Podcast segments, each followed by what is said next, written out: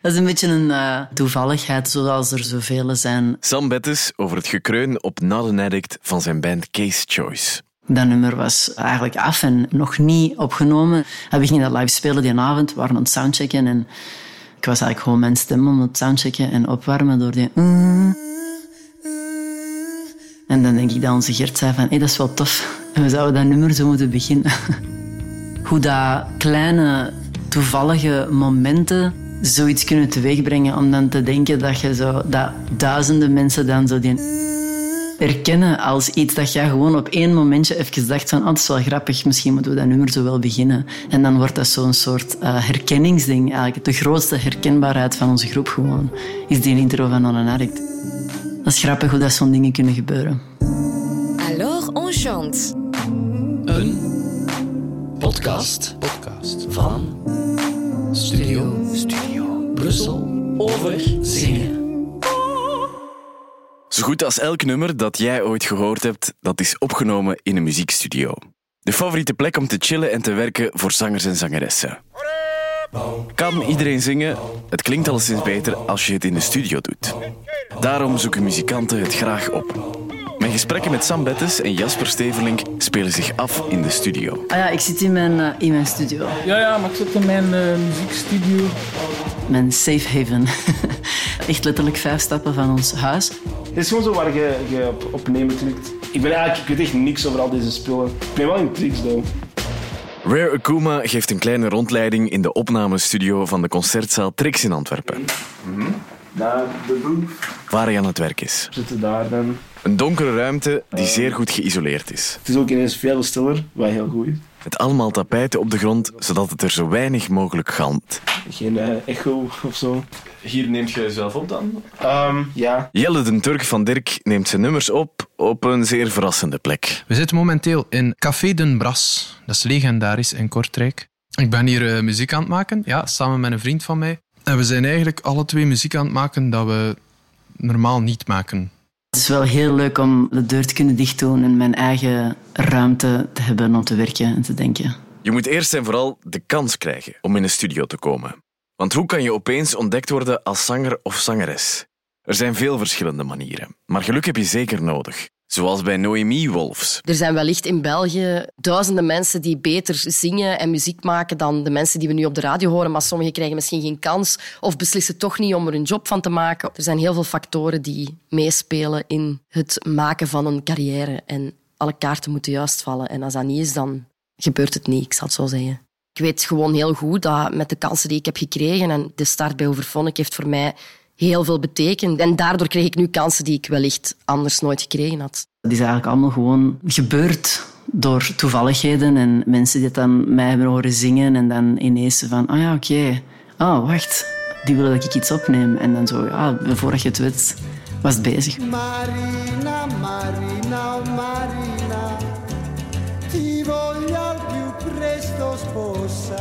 De kinderen van Rocco Granata waren vrienden van mij. Die woonden echt letterlijk 500 meter van ons. Daar was dus een van die cassettes waar ik mee had meegedaan. Die waren rond luisteren en hij had dat gehoord. Rocco Granata dus. Die zag daar iets in van oké, dat is wel echt gewoon heel goed. Je kunt, allez, er moet iets gebeuren. En die is dan eigenlijk, hij is dan eigenlijk begonnen met mensen te zoeken die daar geïnteresseerd zouden kunnen zijn. Een label eventueel. Schlagerzanger Christophe is zijn carrière begonnen met covers maken van andere artiesten. Toen heeft ons mama wel een, een opnameke gestuurd naar VTM. In 91 was dat. En uh, ja, dan mocht ik mij komen voorstellen om eventueel deel te nemen aan de Soundmix Show. En ja, zo is dat eigenlijk allemaal gegaan. Eén keer per jaar doen we eigenlijk audities voor nieuwe zangeressen. Stijn Kolashny, de dirigent van het bekendste koor van ons land, Scala. Er zijn er altijd een paar honderd die komen auditie doen per jaar. En ongeveer een stuk of twintig beginnen dan. Dan valt er dan nog altijd veel af. Er zijn vaak heel getalenteerde meisjes die bij ons uh, niet kunnen beginnen. En dat heeft dan te maken met stemkleur. Eenmaal ontdekt, of als er eenmaal budget is, kruipen artiesten, zangers en bands in de studio om hun muziek te gaan opnemen met een producer. Om jou naar een zo goed mogelijk nummer te laten luisteren. Dat nummer opnemen, dat doen ze verschillende keren. Om er toch maar de juiste zangtake uit te nemen. Ik zit sowieso elke dag in de... Allee, ik heb nu, denk ik, vijf, vijf, zes dagen per week wel dat ik in de studio zit. En dan zeg ik, oké, vandaag gaan we electro, bossa nova, trap maken. En andere dagen zeg ik gewoon van, oké, ja, eh, kom, we doen iets. We, ah, hier, eh, oké, deze drumcomputer, let's go. Ik haat dat echt zo. eh, omdat alles wordt daar ook nog eens zodanig uitvergroot. Hè. En je staat daar ook zo naakt in de studio. Allee, ik heb dat wat leren aan, maar je staat daar ook zo... Alleen die micro tegen op een podium kun je daar je gevoel in leggen en je expressie. En, en, en je moet dat in de studio ook wel doen, maar je staat daar echt helemaal alleen in zo'n ruimte. Met je producer. Ten eerste, wat, wat je in een studio meemaakt, is dat je heel bewust bent van jezelf. Je hebt zo'n koptelefoon op. Je zingt in een micro die alles super helder weergeeft. Dus ieder foutje, ieder krakje, ieder smekje, ieder nootje dat een beetje scheef zit, ga je horen. En als je er dan in slaagt om heel correct te zingen, dat voelt wel goed. Als we in de studio zijn, dan, dan werken wij ook meestal redelijk snel. Er is zo'n beetje een gouden, de gouden takes tussen take drie en zes of zo. En die eerste twee, dat is nog wat opwarmen, is nog wat zoeken. En dan na zes of zeven begint het zo wat bergaf te gaan. Ik denk inderdaad, de eerste zal zelden de beste zijn. Maar ik doe meestal maar vier takes max. Daar moet het wel mee gedaan zijn. John Terra is jaren mijn producer geweest. John Terra, charmezanger en ook producer van heel veel levensliederen. Hij stond er altijd op dat ik heel juist zong en heel goed articuleerde. Dat was een studio in Brussel, een topstudio toen, waar iedereen opnam van Dana Winner tot Lux Steno tot iedereen eigenlijk. Maar dan moesten wij het ja 20, 30, 40 keer overdoen soms. Ik heb van John superveel geleerd. Alles was heel juist en elk woord was uitgesproken.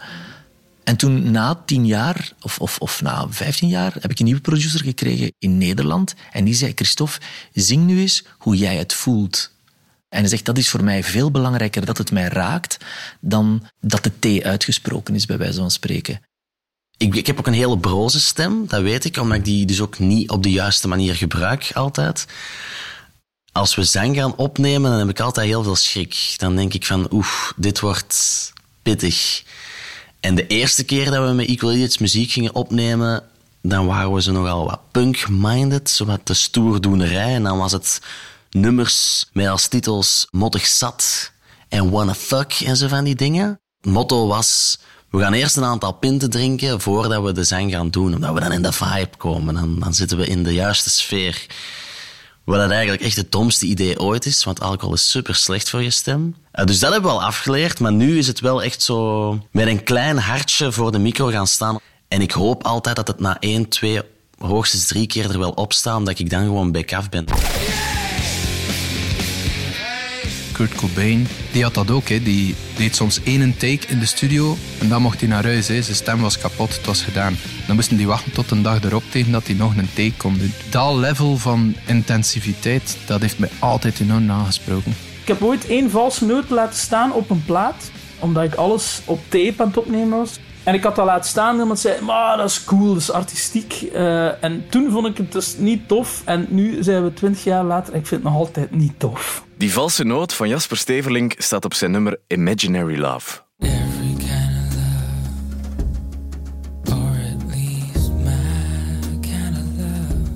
Ik heb die valse noot nog altijd niet met 100% zekerheid gevonden. Nog een tip voor iemand die platen oppakt. Als je dingen hoort op een plaat en je voelt echt dat dat u stoort, geloof me vrij, 30 jaar na datum stoort u dat nog altijd. Elke keer als ik dat opnieuw hoor, ik zie van... Tju.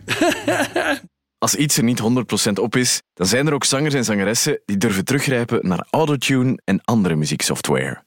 Onze 21ste oren die zijn echt gewend aan niet alleen zangers, zangeressen die altijd perfect op toon zingen, maar waarvan ook de stemkleur hyper gecontroleerd is.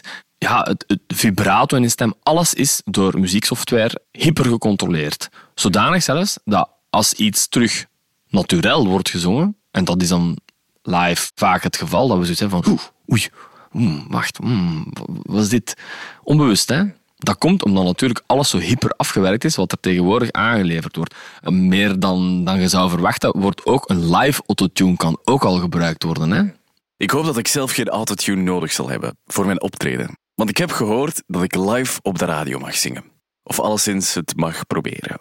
Maar eerst wil ik nog onderzoeken hoe het is om verschillende genres te zingen. Heavy metal, opera, het Vlaamse levenslied of in koor te zingen. Stijn Kolashny die is zeer goed in het dirigeren van scala en hij weet alles over koren. Het klassieke voorbeeld is groot koor. Dat is dus een, wat ze noemen in klassieke muziek een oratoriumkoor. Bijvoorbeeld is Carmina Burana, Karl Orff, die O Fortuna. O Fortuna. De hele wereld kent dat. Oratoriumkoor. 60, 70 man die zingt, kan luid zingen, heeft een enorme impact. Dat is één emotie. Maar je kunt ook heel zacht zingen. Fluisterend, uh, maar je kunt ook met een koor heel zacht zingen. Dat vind ik de max aan een koor. Dat is wat we met Scala ons ongelooflijk in proberen te specialiseren.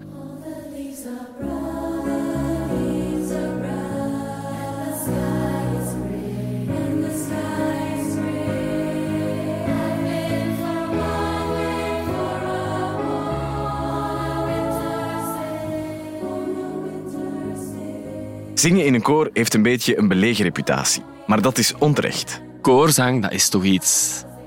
Het ding ook is van, het zingen in koor is eigenlijk ook... Dan, dan komt het sociale aspect nu boven. Scala bestaat uit ongeveer 50 zangeressen. Doordat ze zo vaak samen zingen, uiteraard ja, ontstaan er ook vriendschappen. Hè. Langdurende vriendschappen. En het feit dat ze zingen en dat ze in groep zingen, dat gaat dat zeker versterken. Er zijn zelfs koren, en dat vind ik geweldig. Koren voor mensen die niet noodzakelijk moeten kunnen zingen. Gewoon voor het plezier om samen een nummer te zingen. Het schijnt zelfs dat u, als je samen zingt, danst, dat uw hersenen op een gelijktijdig tempo neuronen beginnen af te schieten en zo. Ik kan me er wel eens bij voorstellen. Dat is wel bewezen dat mensen in een koor, als die zingen, dat ook die hartslag van iedereen naar elkaar toe begint te komen en zo. Glint die zat vroeger nog in een kinderkoor te zingen, maar is nu vooral rapper. Ik ben verliefd op dat genre. Dat is mijn ding. Ja, dat is een stijl. Talent is, is een prerequisite. Maar dan voor de rest gaat er gewoon over van hoeveel dat je daarin gaat steken en hoe hard dat je gaat doorbijten. Ik ben al wel, ben nu 26 en ik ben zeker bezig van mijn 15. Misschien in het begin niet elke dag, maar ondertussen is dat wel vier uur op een dag dat ik daarmee bezig ben. Het grootste verschil tussen zingen en rappen, het ene is melodie, het andere is ritme. Als je aan het zingen bent, zijn een viool, een viool met één snaar. En als je rapt, zijn eigenlijk een percussieinstrument. Een tamtam of zo. Glins kijkt ook op naar andere rappers. Favoriete, sowieso op één is Andre 3000. Three Stacks, sowieso. Andre is uh, een van de helft van Outkast. En ik denk dat dat niemand rapt nog altijd niet zoals hem. En hij heeft dat uitgevonden. Dat is echt een genie. Ook van, van rijmschema's. Uh, mijn favoriete verse zit in Aquemini.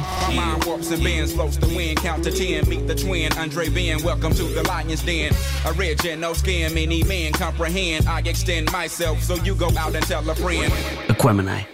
Wat zijn de skills die een goede rapper heeft? Ritmegevoel is denk ik zo de belangrijkste prerequisite, want anders gaat het gewoon niet. Maar ook wel een bepaalde mate van wel echt er zelf van overtuigd zijn. Of zo, het, zo het zelfverzekerdheidsding dat zo in hip-hop zit, is wel echt. Dat is wel nodig. Want ja, hoeveel mensen nemen nu serieus als je 16 bent en zegt dat je gaat rappen? Niet veel mensen. Als je in het Engels rapt, kun je maar beter zorgen dat je accent goed is. ook ik vind Engelse muziek leuk, hè, maar dat is niet mijn ding. De taal waarin je zingt kan heel veel bijdragen aan hoe je gaat klinken. Christophe heeft er bewust voor gekozen om in het Nederlands te zingen. Als ik echt mezelf kan en mag zijn, ja, dan zing ik Nederlandstalig. Daar heb ik nooit één seconde over getwijfeld. Als je voor het Nederlandstalige of het Vlaamse kiest, dan dat is ook iets wat nooit gaat uitsterven. Iedereen begrijpt dat ook. Als je kiest voor het Engelstalige, dan ga je al een groot deel van de bevolking minder goed bereiken, omdat niet iedereen verstaat Engels of niet iedereen verstaat Duits of, of zo. Toch kan je Christophe aan het werk zien in het Duits. Gigantische arena's in Duitsland. Echt gigantisch. Met zijn slagertrio Club Draai. Kus mich hier, kus mich jetzt, bis der ik had mezelf voorgenomen nooit in Duits te zingen, want die taal prikkelde mij niet. Tot ineens dat, dat er iemand kwam met een voorstel van, zou dat toch wel eens niet proberen? En ik dacht van ja, eigenlijk waarom niet? Ik was toen, denk ik, 25 jaar bezig. Dat klinkt misschien heel neerbuigend, maar ik bedoel het zo niet, maar ik had alles wel al eens gezien. Ik was al eens rond geweest. Ik heb elke zaal wel eens gezien. In elk dorp of in elke gemeente of in elke stad heb ik wel eens opgetreden. Op 25 jaar. En ja, dat prikkelde mij wel, zo'n nieuwe uitdaging terug van op nul te beginnen. Op school was mijn Duits echt super slecht. Ik had uh, 5 op 100 of zoiets. En dat interesseerde me ook niet. Ik dacht van, waarom moet ik in godsnaam Duits leren? Ik ga dat nooit gebruiken. Maar dan ben ik aan die, in, aan die privécursus begonnen. En mijn Duits is niet perfect, maar dat vinden ze net leuk. Dus ik heb zo het voordeel van een twijfel dat ik mag fouten maken. Door opvoeding is Christophe dus geen metalzanger geworden. Frankie de Smet van Damme van Channel Zero wel. Voor mij lijkt het enorm moeilijk om metal te zingen. Voor hem is het een evidentie. Ik denk dat dat iets is dat u een stukje moet aantrekken. Ik moet eerlijk zijn, ik denk dat iedereen die, waar dan zijn stem goed van is, die kan er veel meer mee dan dat die dat zelf soms uh, denken dat die dat kunnen. Ik ben altijd gewoon geweest om daar redelijk wat druk op te zetten. Dus automatisch heb ik mijn eigen geleerd om door te zingen. Zeer intiem zingen, dan moet, ik, ik denk dat dat ook zeer moeilijk is. Als ik nu als voorbeeld Brutus neem, hebben we ook veel nummers dat ik gewoon ja, roep of hard zing. Dat is makkelijker om dat te proberen of te performen dan ah, hier is een gevoelig nummer. Ik vond dat voor mij moeilijk om zachte nummers te zingen, want dan dacht ik, oei, ik profileer mij hier ineens als zangeres, terwijl dat ik wel een zingende drummer was.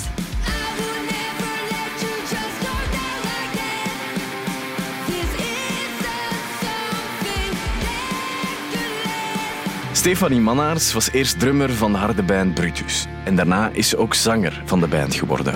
En nu doet ze het alle twee. Drummen en zingen tegelijk. Ik ga echt niet doen alsof dat, dat zomaar maar lukt of zo. Drummen is al intensief.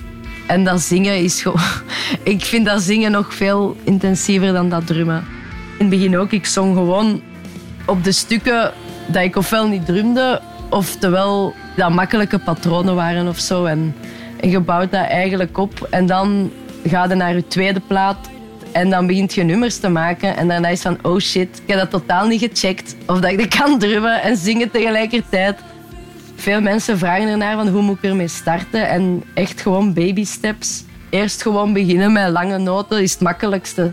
Je begint echt gewoon met 1, 2, 3, 4, a, a, a, weet ik veel. En je begint dan met noten.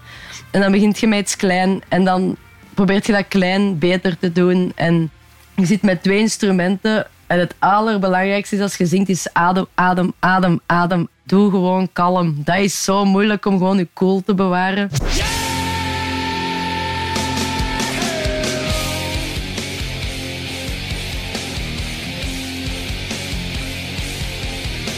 Iedereen denkt maar van, ja, het is maar een beetje roepen en tieren, Frankie. Ja, natuurlijk. Het is iets gecompliceerder dan dat. Je hebt toch wel mensen die soms denken van, oh, joh, dat is makkelijk, hè. dat is easy. Er zijn er ook wel uh, velen die uh, onder de douche uh, vinden dat ze Pavarotti zingen. Maar moesten dan een micro voor staan. Eerder een muis zijn dan een Pavarotti, denk ik.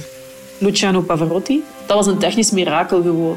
Die kon geen Engels, die kon geen Frans deftig uitspreken, die kon geen Duits. Die zong nooit operas in Duits. Dat was een echte Italiaan. Dus die had eigenlijk wel wat mankementen, maar die was zo goed, technisch en gewoon fysiek ook gebouwd in wat hij deed.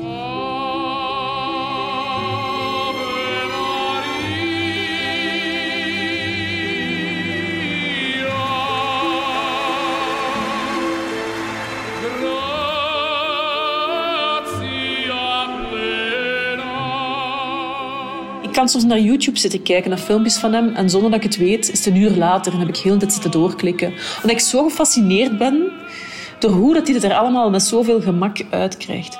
Heel veel bewondering voor operazanger Pavarotti heeft de bekendste operazangeres in ons land, Astrid Stokman. Opera is ontstaan uh, omdat men dus werken wou brengen in zalen, in grote zalen waar men veel volk bij elkaar kon brengen. Maar er was in die tijd nog niet zoiets als een microfoon of een box. Dus er moest een soort van techniek ontwikkeld worden waarop dat je heel luid kon zingen, maar echt belachelijk luid, zodat ze je echt tien meter verder nog horen, zonder dat je versterkt werd. Dus dat is echt, die techniek is puur met dat doel eigenlijk ontstaan. Het doel van we gaan heel veel volume creëren en toch nog mooi kunnen zingen. Operas zijn vaak in het Italiaans, Duits, Frans of Engels. En dan moet je dat op een perfecte manier kunnen uitspreken. Ik heb in mijn opleiding ook wel lessen gehad om zo goed mogelijk, zo native mogelijk die talen uit te spreken. Als ik dan op vakantie ga met mijn vriendin naar Italië en dan aan die ober in het Italiaans, maar dan ook in perfect uitgesproken Italiaans vragen om een ijsje, een ijsje met twee smaken, chocolade en, en aardbei, weet ik veel wat. En dan je die mensen altijd kijken van... Jij ziet er niet Italiaans uit, want ik ben zo bleek als god weet wat. Ik, bedoel, ik ben absoluut geen mediterraans type. Jij ziet er niet Italiaans uit, maar je spreekt het wel goed. En dan zien ze zo echt even een identiteitscrisis krijgen. En dan kan ik heel snel zeggen van ja, maar nee, uh, nee, nee, geen zorg. Ik zing en daardoor... En dat snappen ze ook meteen direct. Ik ben trouwens ook, dat is grappig, in mijn uh, studententijd ging ik dan soms met mijn arias mijn Italiaanse Mozart-arias met een tekst naar de plaatselijke pizzeria. Dus als ik dan s'avonds de pizza ging eten met mijn vriendin, nam ik mijn tekst mee. Zeg ik, kun jij mij helpen? Wat wil dit zeggen?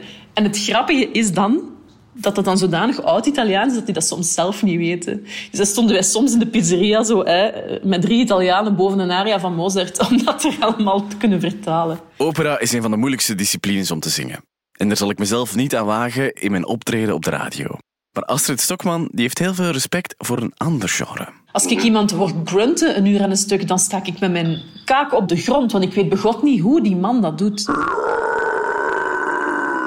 Ik heb het grootste respect voor grunters bijvoorbeeld, want ik zou niet weten hoe eraan te beginnen. En dan toont je echt dat je een soort van métier hebt erin en dat je dat echt beheerst. En dan vind ik dat al even impressive als Pavarotti die daar Vincero staat af te steken naar zijn publiek.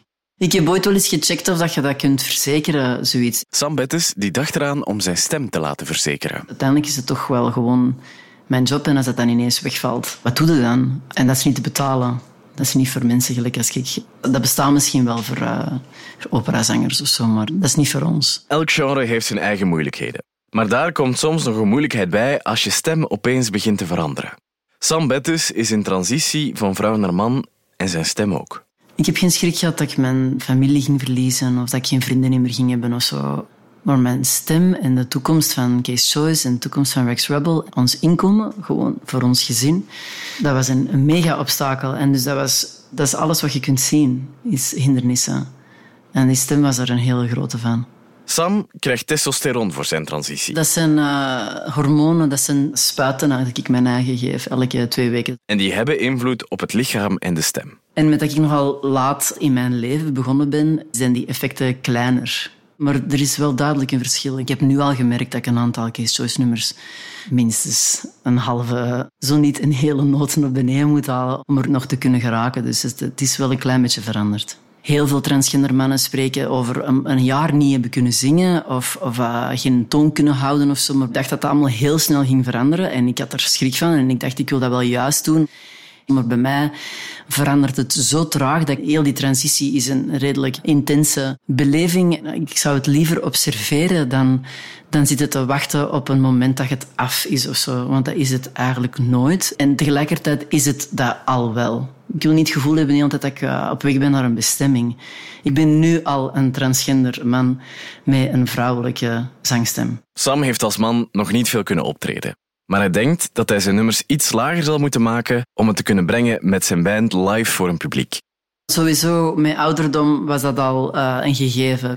Naar een addict was ook al een half toontje lager, of een hele zelfs, uh, live. Dus dat was al een klein beetje aan het gebeuren. Alleen onze drummer die, die geen problemen hebben, maar al de rest hangt eraan. Nogmaals, ik probeer nog niet, nog niet te panikeren. We zullen wel zien als het zover is.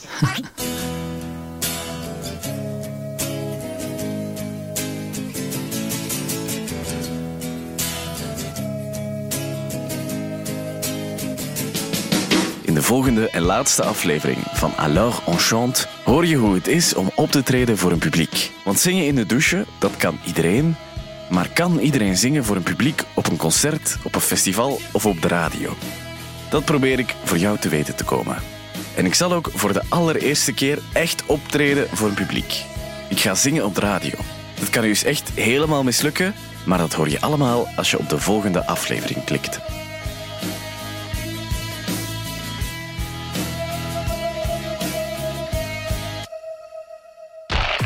Dit was een podcast van Studio Brussel. Vond je hem leuk? Check dan zeker ook onze andere podcasts, zoals de Popcast, waarin Stijn van de Voorde elke week zijn licht laat schijnen over het muzieknieuws. Nu via stubru.be of je favoriete podcastplatform.